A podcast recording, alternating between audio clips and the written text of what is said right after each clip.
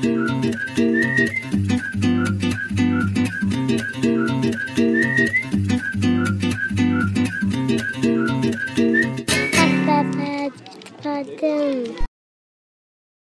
Eirik Faret Sakariassen. Jeg ønsker velkommen til siste episode av denne sesongen av eh, Pappapampodden. Og for å være med og avslutte eh, denne podkastingen, så har jeg fått meg en gjest som jeg hørte snakke for første gang for jeg tipper det var rundt eh, 15 år siden. På et arrangement i Sosialistisk Ungdom, et eh, sted på østkanten i Oslo. Og hun snakka om prostitusjon i Finnmark og kampen mot sexkjøp. Eh, og fortalte noen beretninger derfra som jeg eh, tenker vi skal få høre mer om i løpet av episoden. Men vi skal òg snakke om politisk engasjement, og vi skal snakke om det å være foreldre. Så dagens gjest er ingen ringere enn den nye SV-lederen. Navn, Kirsti Bergstø, alder, 41. yrke, Sosialarbeider, men eh, er folkevalgt nå, da. bosted. Nittedal. Og hvordan var din foreldrepermisjon? Oi, eh, du, den var jo veldig, veldig fin, eh, Erik. Det var jo Det var jo Altså, for å si det sånn Det her med foreldreskap og det å få barn, det kan være ganske forskjellig i livene våre. Eh, Og du og din partner, mitt inntrykk er at dere har på en måte planlagt det her eh, og, eh, og, og har vært liksom to om det hele veien.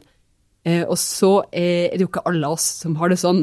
Mitt svangerskap var på ingen måte planlagt, men mitt barn har alltid vært høyt elska og dypt ønska eh, når, når det ble et faktum at han var på vei. Så jeg var alene eh, når, eh, når jeg, ble mor, eh, og jeg hadde også et ganske sånn eh, eh, risikofylt svangerskap pga. en tidligere operasjon. Så det gjorde at jeg måtte ta keisersnitt og ikke kan føde på vanlig måte. Og det som gjorde det hele litt ekstra krevende, det var jo at jeg var stortingskandidat. Så mitt barn kom til verden i, eh, i, i august eh, i et stortingsvalgår der jeg var stortingskandidat. Eh, og det å først drive valgkamp eh, med baconløsning og vogg rundt eh, i et svært fylke som Finnmark, som jeg bodde i da, Eh, og deretter eh, eh, få, eh, få et barn gjennom keisersnitt og, og gro eh, i noen dager før man skal ut og drive valgkamp etter beste evne i barsel, det var jo en, eh, en, en erfaring man aldri ville planlagt for, men som eh, absolutt eh, har eh, vært eh, en rikdom å ta med seg. Og så kom jo den rolige tida etter valget. Eh, etter eh, midten av september, når det var klart at jeg var valgt inn på, på Stortinget, da kunne vi på en måte eh, senke pulsen og bare være mamma. Og det var helt fantastisk. Det, det er faktisk den fineste tida i mitt liv. Ja, det er jo utrolig fint, men det hørtes ut som det var ganske hektisk i opp, opp, eh, oppstart av en valgkamp, da.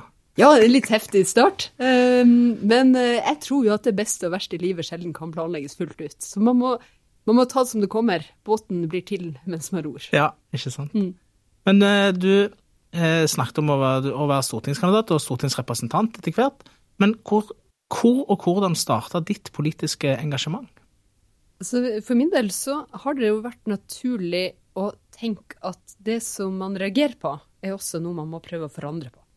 Eh, Så jeg har jo eh, vært politisk aktiv opp igjennom. Eh, altså det starta jo kanskje med at man oppdaga skjønnhetspress og slankepress og fikk puppebilder på klasserommet en viss tid i, i livet.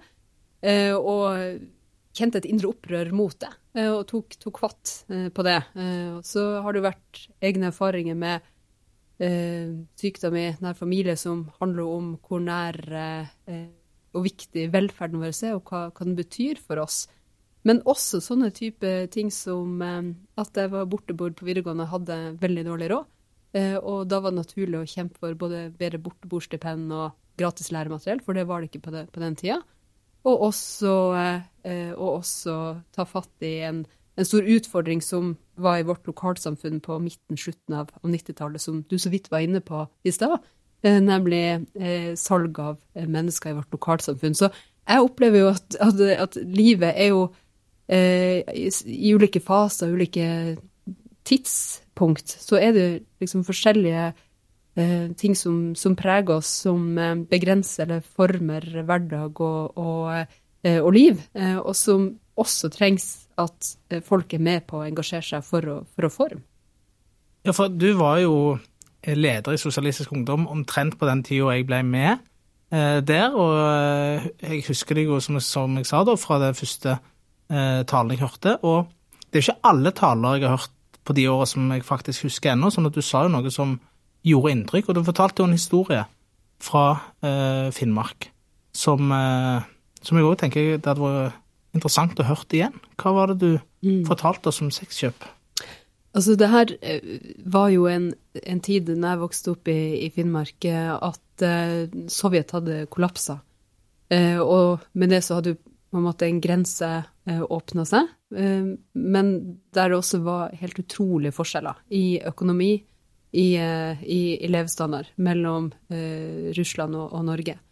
Uh, og uh, vi erfarte jo det at uh, busslass med russiske kvinner, fattige kvinner med få valg i livet, ble frakta over grensa og var til salgs i, i vårt nabolag. nærmere bestemt en campingplass i, i, også flere andre bestemte steder, men særlig da én berykta campingplass i en liten kommune som heter Tana, som de fleste kanskje har hørt om eh, som er stor i areal, men lite i folketall. Eh, det er jo under 3000 mennesker som bor der.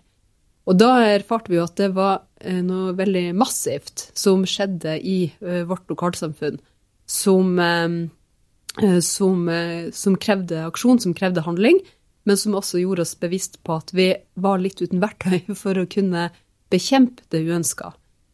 og så, så, er det jo flere ting å si om det.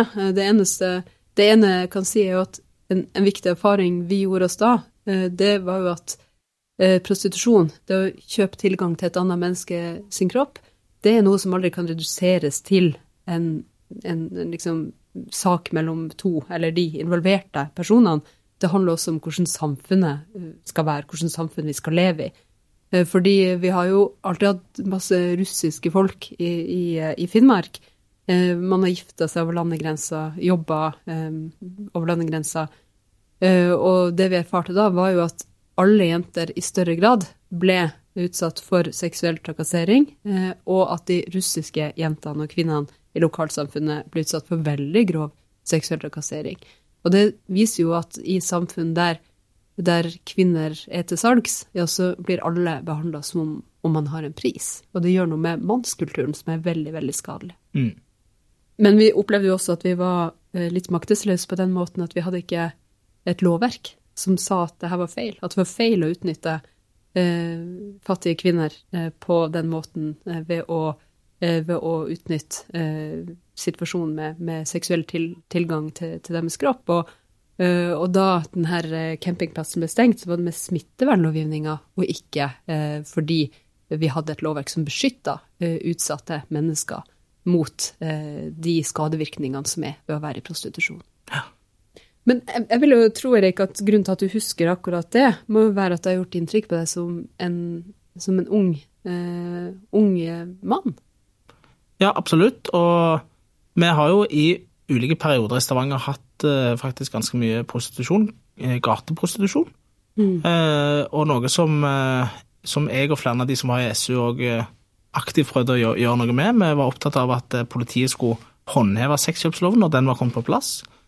Jeg husker eh, Kanskje ikke et av de medieoppslagene jeg er mest stolt av sånn bildemessig, men det er et bilde av at jeg står på, på Anagran, som heter Torgen i Stavanger, med en støvsuger og skiltet 'Vi suger gratis'.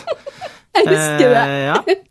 Og eh, det kan man sikkert dessverre google seg fram til, men eh, der, eh, der vi markerte at vi var opptatt av at sexkjøpsloven skulle håndheves, mm. fordi at eh, Eh, på samme måte som du mener det, så tenker jo jeg at det å, å kjøpe et annet menneske på den måten er både umoralsk og ulovlig, og det må jo eh, slås ned på. Så det var nok et eller annet i det, eller det var jo definitivt noe i det som du sa, som gjorde sterkt inntrykk. Fordi at eh, vi så jo i, i våre egne gater mm. eh, damer som da ikke var fra Russland, men fra veldig mye afrikanske land, som, eh, som var satt i en sånn situasjon. Utsatte, fattige, eh, og med et, eh, definitivt et kriminelt nettverk bak seg, som gjorde at de var satt i denne situasjonen. Og det tenker jeg at vi som samfunn ikke kan akseptere, rett og slett. Ikke sant. Og det får meg også til å tenke på en, en diskusjon som har vært over tid nå, eh, som er knytta til samtykkelov. Eh, Fordi et utgangspunkt eh, for at alle skal kunne leve friere liv, og også for at seksualiteten skal være fri, det må jo være at man erkjenner at ekte samtykke faktisk ikke kan kjøpes. Eh, Det er noe man må forsikre seg om at er der frivillig fra den andre sin side, og at det er en ønska hendelse som, som, som skjer.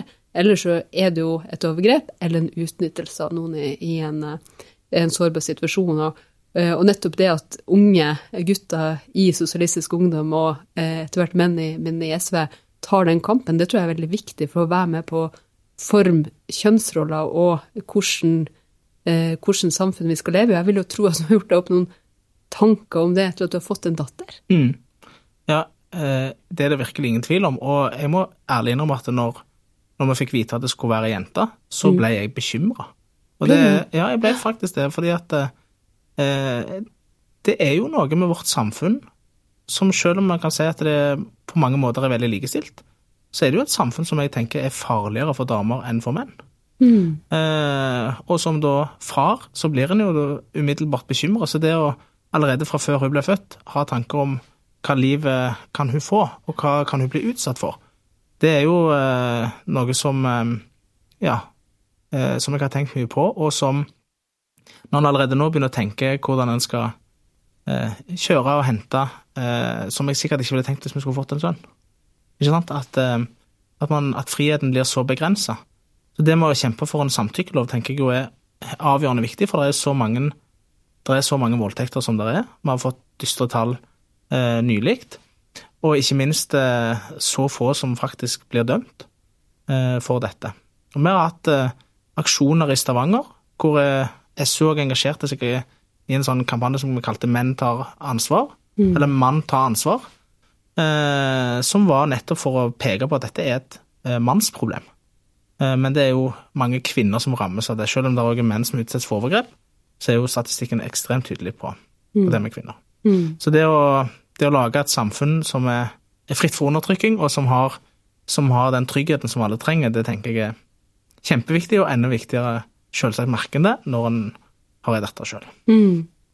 Jeg vil jo tro at, at engasjementet har, har endra seg. Eh, I hvert fall så opplevde jeg det etter at jeg ble mor. Eh, At jeg fikk nye perspektiver og, og en, en annen eh, ja, dimensjon i, i, i, i det politiske arbeidet. Men, men hvor starta det for din del, Erik? Det starta med eh, et medlemskap faktisk i SOS Rasisme.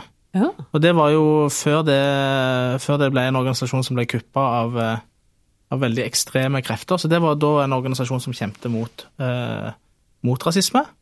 Eh, og så, ved en eh, I valgkampen i 2005 så leste jeg partiprogrammene til partiene på venstresida. Som sikkert ingen andre 14-åringer gjorde da. vent litt, du, du leste alle partiprogrammene til Sånn RV, SV, Rødt Nei, RV, SV, Ap. ja. Ja. Men du leste faktisk, Ja, jeg gjorde faktisk det, altså. Ja. He hele Ja, jeg gjorde det. Ja. Og så endte jeg opp, så gikk vi forbi SV-huset eh, i Stavanger, jeg og en kamerat. Og så gikk vi inn der, og der var det veldig mye hyggelige ungdommer. Sikkert mange som du kjenner godt. Eh, og de hadde taco. Så vi ble invitert inn og spiste taco med de. Er det sant? Ja, og så skulle vi ned, eller de skulle ned da, og høre på en debatt på Oljemuseet Ja. med en som heter Hallgeir Langeland. Så de spurte om jeg ville være med ned og høre på han. Han skulle i debatt med jeg heter Toril Vidvei, som da tror jeg var olje, olje- og energiminister. Eh, og han var jo knallgod.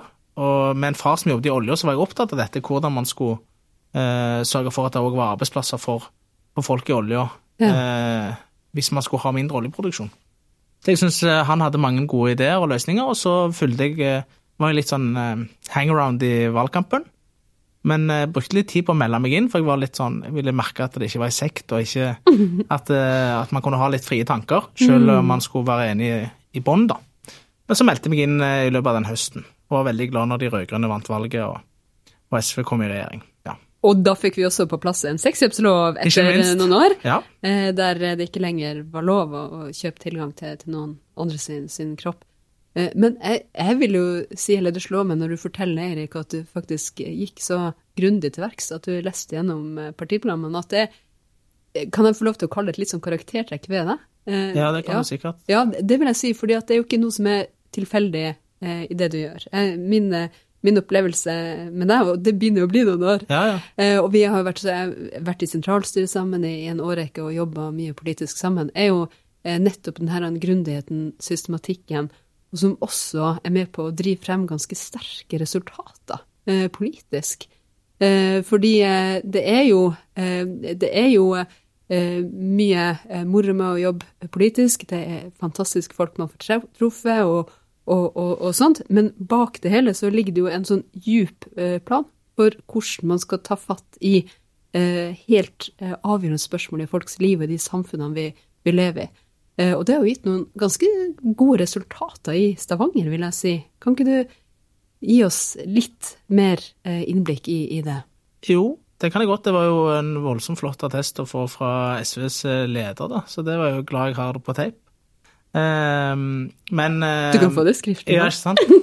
Det er jo eh, det er jo òg et veldig lagarbeid, fordi at Stavanger SV har vært veldig samla om det prosjektet vi har gått inn i det flertallet vi sitter i, med.